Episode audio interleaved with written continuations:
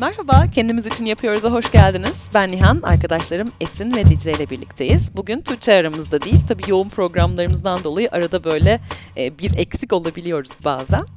Bugün aynı evi paylaşmaktan bahsedeceğiz. Daha çok partnerle aynı evi paylaşmak üzerine bir bölüm yapmak istedik. Çünkü şu an hepimizin birkaç senedir deneyim kazandığı bir şey olarak değerlendirebiliriz bunu ve bu konu üzerine söylemek istediğimiz şeyler var.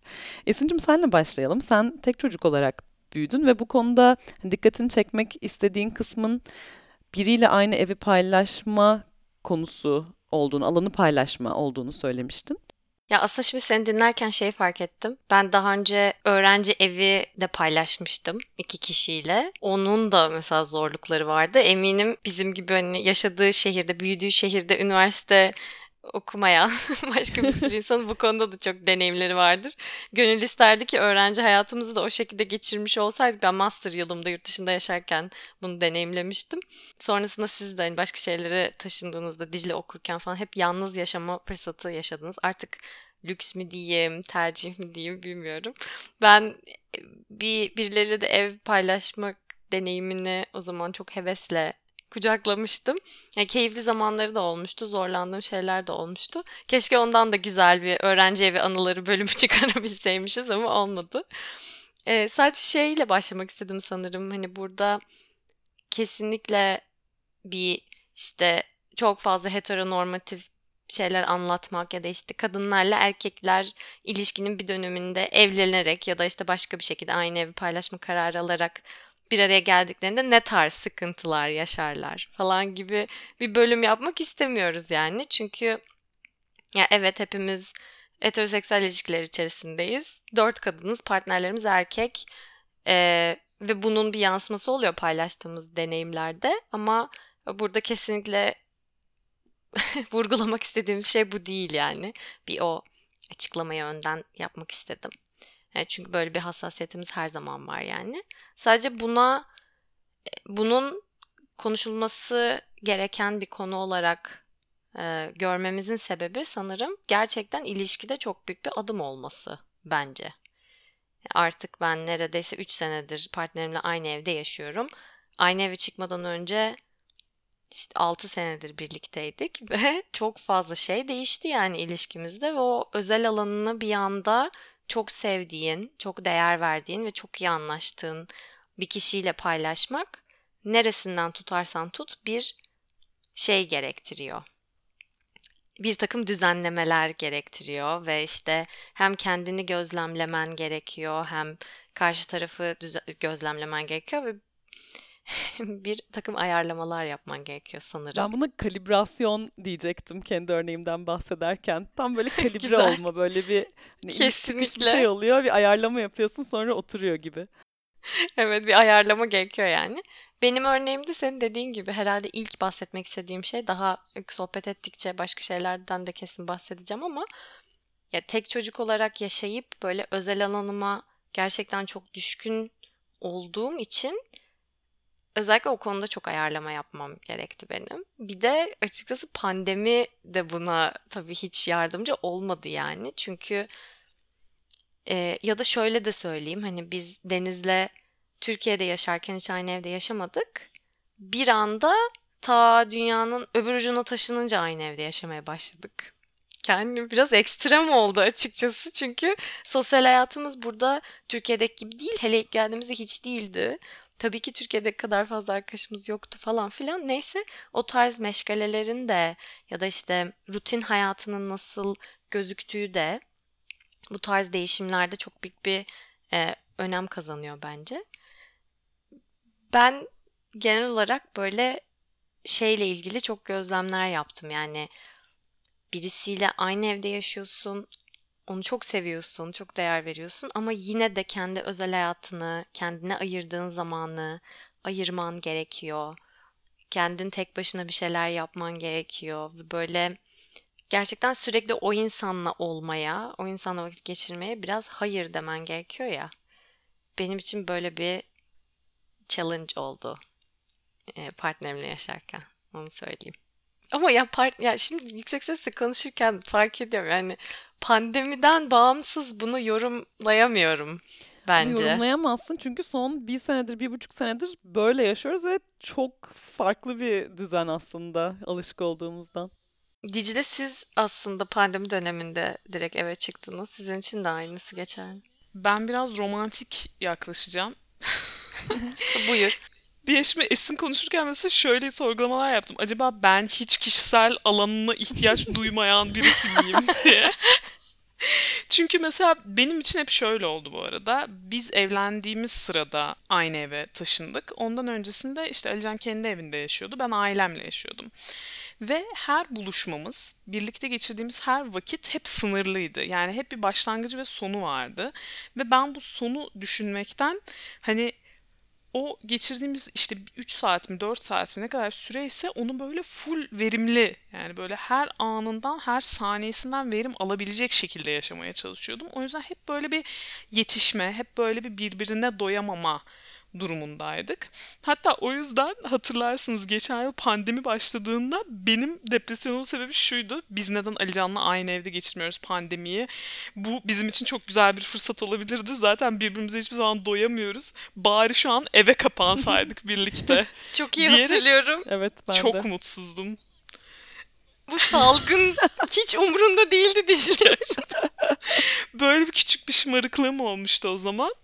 Ee, sonra aynı eve taşındık ve ben gerçekten hani pandemiye değil tabii ki ama bu kapanmalara biraz doğacıyım bu konuda. Çünkü ya düşünemiyorum hani sabah çıkıp sabah 8.30'da evden çıkıp akşam 6.30'da eve girdiğim bir mesaili bir durumu hani ofise gidip gelmeli bir durumu ben yani başaramazdım herhalde falan diye düşünüyorum şu an. Çünkü yine böyle hani bir aynı eve çıktık, aynı evde yaşamaya başladık. Ben hala şey kafasından çıkamadım.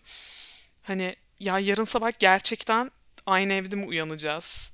Allah'ım Hani bir yarın- rüya yarın da mı mı bu bizim? diye mi düşünüyorsun? Evet. Yarın da mı bizim? Hani o kadar vaktimiz var mı? Hani buna benim alışmam gerçekten bir 6 ayı falan buldu. Ve sonra sanırım Alican'ın da alışması biraz öyle bir süreyi buldu. Sonra mesela o kendi için yani vakit ayırmak istemeye başladı. hani böyle kendi başına dışarı çıkıp hani kendi başına bir kafeye gidip orada ders çalışmak ya da böyle hani evde ayrı bir etkinlik yapmak gibi Hashtag şeyler tek çocuk. Evet. Öyle şeyler yapmaya başladı ve ben buna çok alındım mesela başlarda. Yani nasıl hani nasıl ben şu an 50 yıl boyunca senin dibinde yaşayabilirim ama sen nasıl şu an tek başına dışarı çıkmak istiyorsun? bir gün mesela bir pazar sabahı sabah bir uyandım gitmiş. Yani böyle, böyle kendi kendine yürüyüşe çıkar eder de pazar sabah uyandım gitmiş. Mesaj attım diyor ki bana sen kendine kahvaltı yap. Ya benim orada beynim bir almadı pazar sabah kahvaltısını ben tek mi yapacağım? O zaman biz niye evlendik? Giderdim ben tek başına yaşardım. Eyvahlar olsun. Dicle'cim cicim ayları diyebilir miyiz? Olabilir. Biraz böyle bağımlılıklarım vardır. Neyse şimdi yavaş yavaş en azından şeye alışmaya başladım. Hani ben hala istemiyorum tek başıma bir şey yapmak da. En azından o mesela tek başına bir şey yapmak istediğinde onu normal karşıladığım seviyeye gelebildim. Ya ben sana şimdi Alican'ın perspektifini açıklayayım mesela bu grubun şeyi Olur. olarak, temsilcisi olarak. Ben de bu arada çok fazla, belki Deniz benden daha fazla tek başına kalacağı şeyi ayarlayabiliyordur. O benim sanırım biraz e, hızlı organize olamamam hayatımın bu aşamasında. Yani bununla alakalı bir şey olduğunu düşünüyorum, açıklaması olduğunu düşünüyorum bunun. Ama o istek olarak e, kendini çok belli ediyor bende. Kesinlikle ilişkiyle ya da partnerle ya da ondan bunalmak ya da işte gideyim tek başıma biraz zaman geçireyim çünkü Dicle ile çok zaman geçirdik diye değil de tamamen insanın bence ya şimdi Alican adına konuşmuyorum yani tamamen kendi adıma konuşuyorum özür dilerim. Saçma bir giriş oldu. Hani insanın gerçekten kendi istediklerini bile bulmak için bir kendini dinlemesi gerekiyor zaman zaman. Çünkü farklı dönemlerde herkesin farklı ihtiyaçları olabiliyor. Bence o yüzden yani özellikle bir romantik ilişkide bunun ayrımına varmak çok önemli. Çünkü ne kadar iyi anlaşırsanız anlaşın, ne kadar aynı şeyleri düşünüp aynı anda aynı şeyleri istiyorsanız olun. Yine de bazı noktalarda ayrışabiliyorsunuz ve bu çok normal ve birisinin gerçekten ya ben şu anda nasıl hissediyorum acaba ya da neye ihtiyacım varı bulması için bile birazcık tek başına kalması gerekiyor sanırım. Yani size şunu söyleyeyim. Çocuk bana bir kere şeyi açıklamak zorunda kaldı. Hani ben zaten akademisyen olduğu için kendisi ben hani kafeye gidip laptopumla oturup bir şeyler yazmaktan keyif alıyorum. Bunun seninle bir alakası yok. Ben bunu çok sevdiğim için, yapmayı sevdiğim bir aktivite olduğu için yapıyorum diye bir açıklama yapmak zorunda kaldı mesela. Geçerli bir şey değil mi? Öyle tabii. Buradaki durum her yeni şey gibi ve sonuçta hayatının çok büyük bir kısmının ya da belki de tamamının değişmesi demek. Ya da şöyle söyleyeyim, hayatını çok fazla şeyi etkileyen büyük bir değişim. O yüzden herhalde şuna hazırlıklı olmak lazım. Önceden beklemediğin bir şeyler mutlaka başına geliyor. Mesela sen muhtemelen ya bunu nasıl öngörebilirdin ki? Hani şimdi daha fazla Alican daha fazla kendi başına zaman geçirmek isteyebilir. Ben bundan alınabilirim. Nasıl buna önden şey yapabiliriz? Ya böyle saçma bir hazırlık süreci olur yani. Ya da ben kendimle ilgili hiç böyle artan bir tek başıma kalmalıyım, yalnız zaman geçirmeliyim, nerede benim kişisel alanım gibi bir şeye gireceğimi hiç beklemiyordum. Çok beklenmedik bir sürpriz oldu yani. Kendime hazırladığım bir takım olabileceğini düşündüğüm potansiyel zorluklar vardı. Onların bazıları hiç olmadı bile. Bazen de hiç aklıma bile gelmeyen çeşitli sıkıntılar ya da zorluklar önümüze çıktı. Bence biraz onun farkındalığını yaşamak lazım.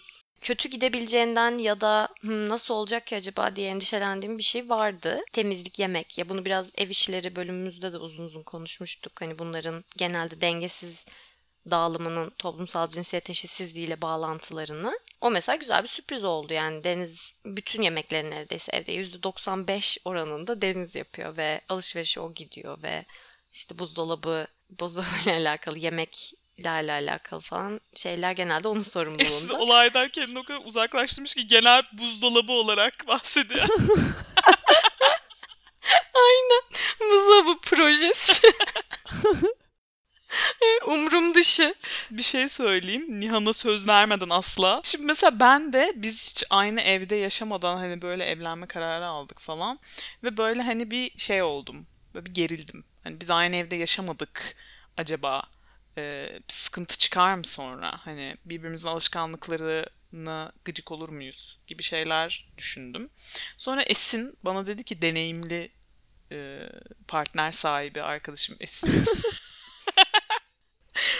Ee, Esin bana dedi ki siz hani en azından ya kaç yıldır birliktesiniz. Birlikte hani tatile gittiniz. Hani birlikte e, vakit geçirdiniz uzun süre. Ee, hani iyi kötü birbirinizin zaten alışkanlıklarıyla karşılaştınız ve hani seni şoka uğratacak bir alışkanlıkla karşılaşman çok zor aynı eve çıktığınızda dedi. Bu da bana çok mantıklı geldi aslında. Yani bir insanı tanımak zaten evlenme kararı almak yani evlenme hani adı üstünde eve çıkma kararı bir yandan da hani birlikte bir ev sahibi olma kararı aynı zamanda. Ee, hani bu kararı ver, verebilme sürecinizde zaten birbirinizi hani bu konularda e, tanımış olmanız gerekiyor demişti ve ben sonra gerçekten partnerimle aynı eve yaşa- aynı evde yaşamaya başladıktan sonra bunu fark ettim. Yani beni şaşırtan neredeyse hiçbir davranışı yok. Ha, hayatımda ilk defa gördüğüm bazı alışkanlıkları var ama yani bu da yaşan yani yaşanılabilecek şeyler hani başa çıkılabilecek şeyler ya da alışılabilecek şeyler. O yüzden hakikaten bir insanla aynı eve çıkmadan onu tanımak çok önemliymiş. Yani bu şey gibi değil hani nasıl desem ben mesela o zaman şey gibi düşünüyordum. Evlenmeden önce mutlaka aynı evde yaşamak zorundayız gibi düşünüyordum o zaman. Hani o aynı evde yaşamak zorundalığını insan aslında başka şekillerde de giderebiliyormuş. Evet. Ben de aslında tek çocuk değilim. Kardeşim var. Kız kardeşim var. Benden 5-6 yaş küçük. Ama yine de ben de mesela özel alanına çok düşkün bir insanım aslında.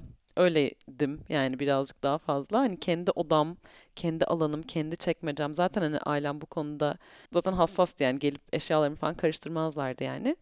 Ama ben onu hep böyle kendi alanım, kendi saklı şeylerim falan diye değerlendirdiğim çok fazla şey vardı açıkçası. Ailemle yaşadıktan sonra kendim yalnız yaşadım yaklaşık 3 sene, 2-3 sene boyunca yalnız yaşadım. Ben hep yalnız yaşamak isteyen bir insandım bu arada ta liseden beri falan. O yüzden hani benim için çok güzel bir deneyimdi. İyi ki bunu yaşadım diye düşünüyorum. Çünkü hani üniversiteyi de ailenle birlikte ok- okuyunca gerçekten yani kendi alanın gibi olmuyor yani o da yeterli olmuyor bir noktadan sonra çünkü kendi arkadaşlarını ağırlamak istiyorsun hani diğer evdeki ya gece 2'de atıyorum yemek yemek istiyorsun şarkı söylemek istiyorsun falan ve yani evin içinde sürekli başka birileri oldukça hani bundan rahatsız olabilecek insanlar oluyor ve dikkate almak zorundasın yani ve aynı zamanda tabii ailenle birlikte yaşadığın için belli sorumluluklar ve belli kurallar da geliyor. Yani bunlar az olabilir, çok olabilir. Herkes için değişir muhtemelen. Ee, ben o kuralları biraz aşmıştım artık üniversitenin son iki senesinde özellikle. Yani öyle bir sorunum kalmamıştı. Ama tabii yine de bazı şeylere dikkat etmek de gerekiyordu açıkçası. O yüzden yalnız yaşamak benim için çok güzel bir deneyim oldu. Ve hani yalnız yaşamadan doğrudan partnerimle yaşasam muhtemelen çok daha zor olurdu benim için diye düşünüyorum. Çünkü kendi başına kaldığın zaman ve özel alanın odadan çıkıp koca bir ev ve senin sorumluluğun olan her şey olduğu zaman o insanı çok farklı bir şekilde olgunlaştıran ve büyüten bir şey. Hani benim kişisel hayatımda da buna ihtiyacım varmış hep. Yani bütün evin sorumluluğunu almam ve bunun beni büyütmesi gerekiyormuş birazcık ki duygusal olarak yani. Ee, ki başka birisiyle paylaşma konusunda hazır olabileyim. Yani çünkü evde başkasıyla paylaşma konusunda o kadar da rahat değildim. Kendi odam, kendi alanım dışında evle çok ilgilenmiyordum açıkçası. Şimdi yalnız yaşamaktan partnerli hayata geçişte de mesela bazı şeyler oluyor. Yani Tuğçe burada olsa o da benzer bir şey anlatacaktı. Bunu daha önce konuşmuştuk o yüzden anlatabilirim. Yalnız yaşamaktan partnerli hayata geçişte de mesela şöyle şeyler olmuştu. Şimdi kendi evimde yaşamaya alışık olduğum için mesela eve canın bir şey almak istiyor ve alıyorsun. Tablo asmak istiyor, asıyorsun. İşte nevresim almak istiyor, alıyorsun falan gibi şeyler oluyor mesela. Şimdi beraber bir eve çıkma kararı verdiğimizde mesela ay şunu yaparız, bunu alırız falan diye ben biraz heveslendim. Sonra o bence şunu alalım falan dedi. Ben de bir anda ne? Hani şu an evet onun da isteklerini değerlendirmek zorundayım bunu Ne? Senin de yaparken mi diye düşündüm. Ama senin de mi söz hakkın var? Evet, onun sonra biraz alışmam gerekti. Yani evet hani mesela benim evim var, onun benim evime gelmesi ve hani birlikte bir eve çıkmak arasında da mesela farklar var aslında. Nasıl diyeyim? Orada biraz Yani başka birisinin oldu. senin düzenine dahil olmasıyla birlikte sıfırdan yeni bir düzen kurmak bambaşka şeyler. Evet ya bambaşka diyemem ama belli başlı farklılıkları var. Yani orada ben şu bilinci yaşamıştım. Ha bu artık tek benim evim gibi değil. Hani biz ortak bir alan kurup ortak bir alan yaratacağız. Hani ikimizin de kendini rahat ve mutlu hissetmesi gerekiyor o ortamda diye düşünüp hani kendim için sadece adım atmaktansa ortak düşünüp adım atmak gerekiyor. Bu bana dank etmişti o esnada. Böyle küçüklükten beri işte büyüttüğümüz romantik düşünce ve hayallerin önüne bunun geçememesi ve son dakikada böyle bir şeyin sana böyle çarpması çok komik değil mi aslında? Çünkü ben küçükken hatırlıyorum. Allah'ım Allah'ım benim için ya ne kadar büyük hayallerdi. Erkek arkadaşınla tatile gitmek, erkek arkadaşınla eve çıkmak ve bunlar çok yani zaten tabii ki çok maalesef e, nadir görülen, yani toplumsal olarak öyle kolay kolay kabul edilmeyen şeyler. E, ben Türkiye'de yaşasaydık da bu kadar kolay e, aynı şekilde eve çıkamayacağımızın, aynı evde bu kadar uzun süre yaşayamayacağımızın çok farkındayım. Çok fazla yani toplumun bir sürü kadın üyesi için bunların çok çok zor olduğunu da hepimiz farkındayız yani. Tatile gitmenin de işte Tabii. belli bir alanı paylaşmanın da. Ama ya belki onun ulaşılmasının zor olduğunu bildiğinden gelen bir cazibe oluyor. Ya belki böyle Amerikan filmleri izleyerek büyümekten gelen bir başka bir onun büyüsü oluyor falan. Ama hani o benim için böyle inanılmaz romantik ve hevesle ve ilişkiyi çok çok çok daha kuvvetlendireceğine hep inandığım, güvendiğim bir şeydi. Demek ki o düşünceler, o romantik düşünceler ne kadar ağır basıyor ki hani hmm, şimdi bu alanda iki kişi birden rahat etmeli ve ortak bir alan yaratıyoruz düşüncesi nasıl son ana kadar erteleniyor olabilir? Doğru. Ya mesela bu özel alanım dediğim şey mesela işte insanın en özel alanı neresidir? İşte başucu çekmecesi. Ya benim için mesela öyleydi. Ve yani şimdi tüm evi başucu çekmecemmiş gibi hissediyorum. Yani bu benim de açılmam anlamına geliyor aslında bir yandan. Yani o böyle aman bana özel gizli kalsın falan dediğim şeylerin de olmaması ya onun da bir o soyut sınırların da kalkması anlamına gelir, geldiğini fark ettim ben benim için. Ama tabii ki yani evin içerisinde kendine özel bir alan yaratmanın ihtiyacını da hep hissettim yani. Ve yani onun için de işte yeni evi tasarlarken kafamda öyle şeyler düşünerek tasarladım mesela. Yani bir çalışma ayrı bir çalışma alanı.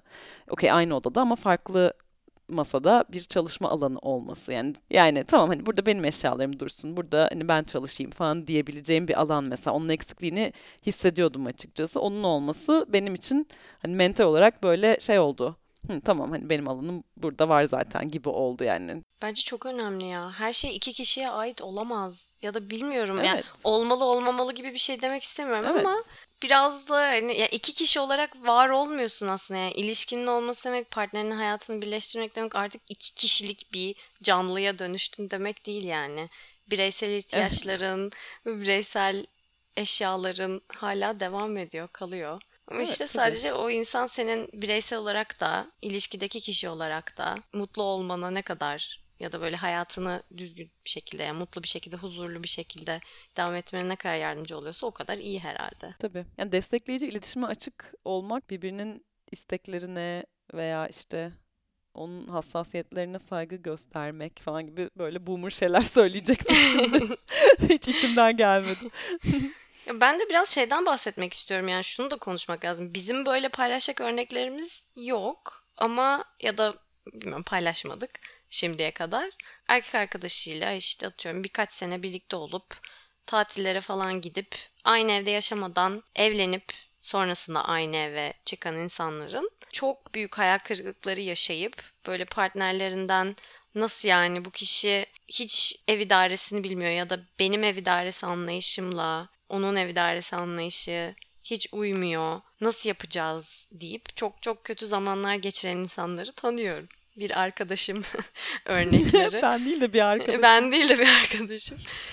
E, böyle şeyler çok oluyor yani maalesef ve gerçekten o risk de var. Ha nedir? E, Öyle de olabilir yani. Hiç beklemediğin sürpriz bir şeylerle karşılaşabilirsin. Yani dediğim gibi hani e, hepimizin bahsettiği gibi biz de e, karşılaştık ama herhalde bu senin o kişiye karşı olan sevgini ve saygını etkiliyor diye mi bakmak lazım? Ya bir de bu aynı eve çıkma meselesini şimdi biz biraz tabii fanteziye dönüştürmüş durumdayız. Hani toplumsal olarak bir tabusal bir kısmı da olduğu için hani herkes yapamıyor bunu. Ee, çok nadir hani ayrıcalıklı diyebileceğimiz bir takım insanların başarabildiği ya da hani artık o sınırı çekebilmiş ve kendi bireysel hayatını kontrolünü ele alabilmiş bir takım insanların Ekonomik özgürlüğü. ya ekonomik özgürlüğünü de aynı şekilde eline alabilmiş bir takım insanların başarabildiği bir şey olduğu için aslında ama aynı eve çıkmak gerçekten ilişkinin bir aşamasından başka bir şey değil. Yani herkes aynı eve çıkmaktan hoşlanacak, herkes partneriyle sonsuza dek aynı evde yaşamak isteyecek diye demiyorum ama hani toplumsal olarak bu kadar bu konunun tabu haline getirilmediği başka ülkelerde insanlar hani bunu ilişkinin doğal bir aşaması olarak ele alıyorlar. Tamam aynı eve çıkıyor sevgilisiyle. Ee, diyor yani ayrı evlerde yaşamanın bir mantığı yok. Hadi aynı eve çıkalım. Ee, aynı eve çıkıyorlar. Birkaç yıl aynı evde yaşıyorlar. E sonra ayrılmak istiyorlar ve ayrılıyorlar. Sonra insanlar başka ilişkilere başlıyor. Hani bunu da aslında ilişkinin normal bir adımı, bir aşaması dan başka bir şey görmenin pek bir anlamı yok. O yüzden tabii ki yani hayal kırıklığına uğruyorsa bu da hani ilişkideki herhangi bir hayal kırıklığıyla eşdeğerdir. Doğru. Evet katılıyorum ben de aynı şekilde. Ama az önce pazar kahvaltısına dışarıya gitmiş diye ağlıyordun. Önemli olan hayal kırıklıklarını aşabilmek. Yaşabilmek kesinlikle. Peki mesela hiç hani şaşırdığınız ve ay bu da böyle miymiş falan dediğiniz bir anınız var mı partnerinizle? Düşünüyorum şimdi başta kesin şaşırmışımdır da şu an normalleştirmişimdir bazı şeyleri. Onları hatırlamaya çalışıyorum. Ya ben kesinlikle şey anları çok yaşadığımızı hatırlıyorum. Kendi kendime ya hem tabii ya illa belki aynı evde yaşamamıza gerek yoktu bunların olması için ama ya bu kadar yıldır birlikteyiz neredeyse 10 yıldır birlikteyiz hala yeni bir şey öğreniyorum ne kadar ilginç. Eminim 60 yaşına gelince de bunu söyleyeceğim ama ara ara durup aa ne kadar ilginç yepyeni bir şey öğrendim. Ha ben bir şey söyleyeyim mi? Komik ve uyduruk bir şey bu arada da. Mesela benim partnerim çok fazla çamaşır yıkıyor. Abi çamaşır yıkamayı çok seviyor. Çok sık yıkıyor. Ben de buna gıcık oluyorum. Yani o çamaşır makinesi kaç kiloluk? 7 kiloluk mu? 8 kiloluk mu? Yani onun bir dolması gerek ya o makinenin çalışabilmesi için. Hani bu da su. Bunun da parası ödeniyor. Ayrıca kaynaklarımız hani su azaldı. Ya bunların göz önünde bulundurulması gerekiyor. Neyse ama Alican buna alıştı sağ olsun. O da artık giysisiz falan idare ediyor günlerce. Sırf ben çamaşırı yıkayayım diye. Bir de ona da vermedim o görevi. Şu an çamaşırı hep ben yıkıyorum. Mesela buna çok şaşırmıştım böyle. Çat üç tane şey atıyor. Hiç olacak şey mi? Gerçekten. Şok geçirdim. Ben de komik bir şey anlatayım. Mesela şimdi yeni eve taşınırken taşınmadan bayağı bir süre önce perdeleri ne yapacağız? Perdeleri ne yapacağız falan diyordu Buğra tamam mı? Yani alırız perde ne olacak ki falan diye düşünüyorum ben de tamam mı?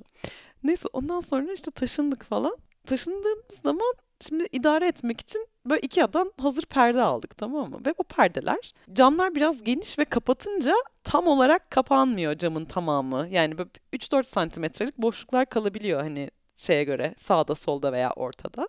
Ya bu benim için mesela hiç önemli değil mesela. Hiç sorun değil yani. Çünkü 3 santimden kim ne görecek yani zaten hani illa kimsenin görmesini istemediğim bir şey yapıyorsam bile.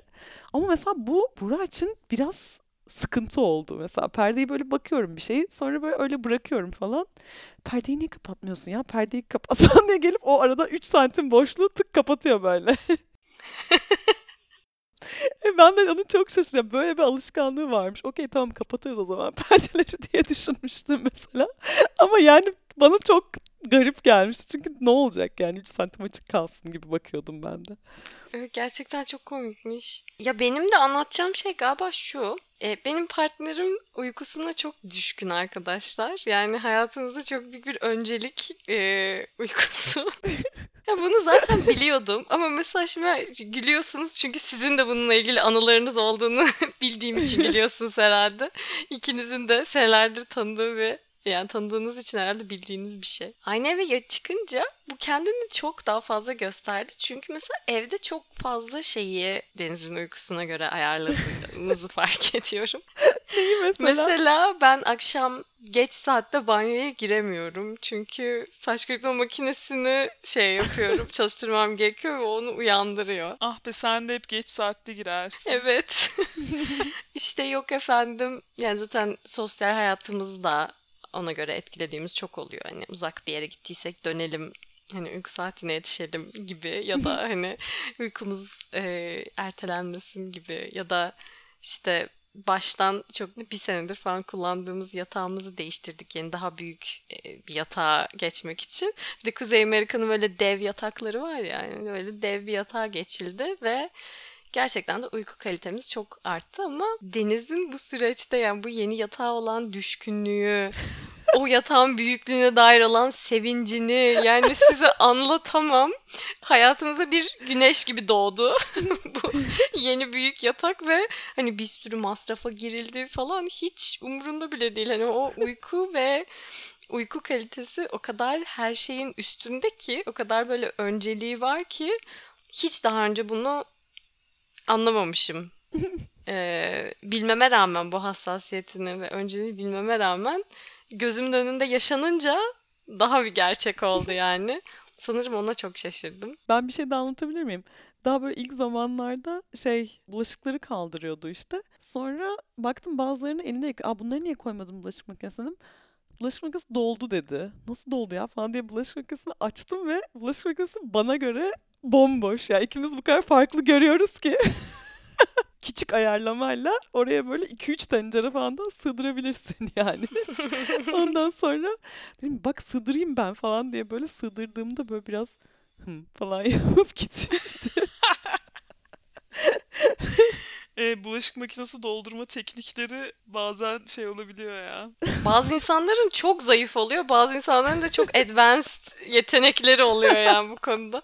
Biraz fazla işte problemler ya da sıkıntılar ya da işte sürprizlerle karşılaşabilirsiniz gibi konuştuk ama günün sonunda ya Dicle'nin de dediği gibi gerçekten müthiş bir şey yani. Çok da romantik yanları da var ve hani yalnız kalmayı tercih edebilen insanlar için, tercih eden insanlar için tabii ki hani e, asla bunun karşı argümanı olamaz ama e, eğer ki sevgilinizle, partnerinizle yaşamak istiyorsanız ve işte kendi rızanızla böyle bir durum içerisinde içerisindeyseniz bence süper romantik ve işte doya doya vakit geçirebildiğiniz, yeni birbiriniz hakkında yeni şeyler öğrenebildiğiniz Yani son derece keyifli de olabilen bir şey.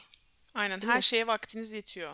Şu aktiviteyi yapmayayım da bunu yapayım demiyorsunuz ya. Pandemiden de biraz yetiyor bence vaktimiz. Çünkü bir kere bence farklı bir yakınlık seviyesi aslında. Yani Evet. aynı. Çünkü sadece aynı evde yaşamak hani onu bunun alışkanlıklarını şey yapmak değil aslında birçok şeyde paylaşmak anlamına geliyor ya. Alışverişi paylaşıyorsun her gün sofrayı paylaşıyorsun izlenecek şeyleri işte paylaşıyorsun. Artık ne yapıyorsan yani bütün e, ilişkin içerisinde her şeyi paylaşmak anlamına geliyor. Pandemiyle birlikte daha da çok her şeyi paylaşmak anlamına geliyor.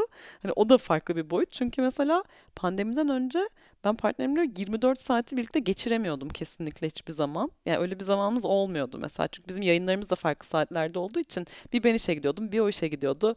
E, işte 4-5 saat bir arada geliyorduk. Birimiz işe gidiyorduk falan. Sürekli böyle geçiyordu. O yüzden 24 saati aynı evin içinde deneyimlemek çok daha farklı bir seviye yakınlığı ve iletişimi ve ilişkiyi beraberinde getiriyor aslında. Yani bu benim için çok güzel sonuçlar doğurdu ve ben çok mutluyum böyle olduğu için.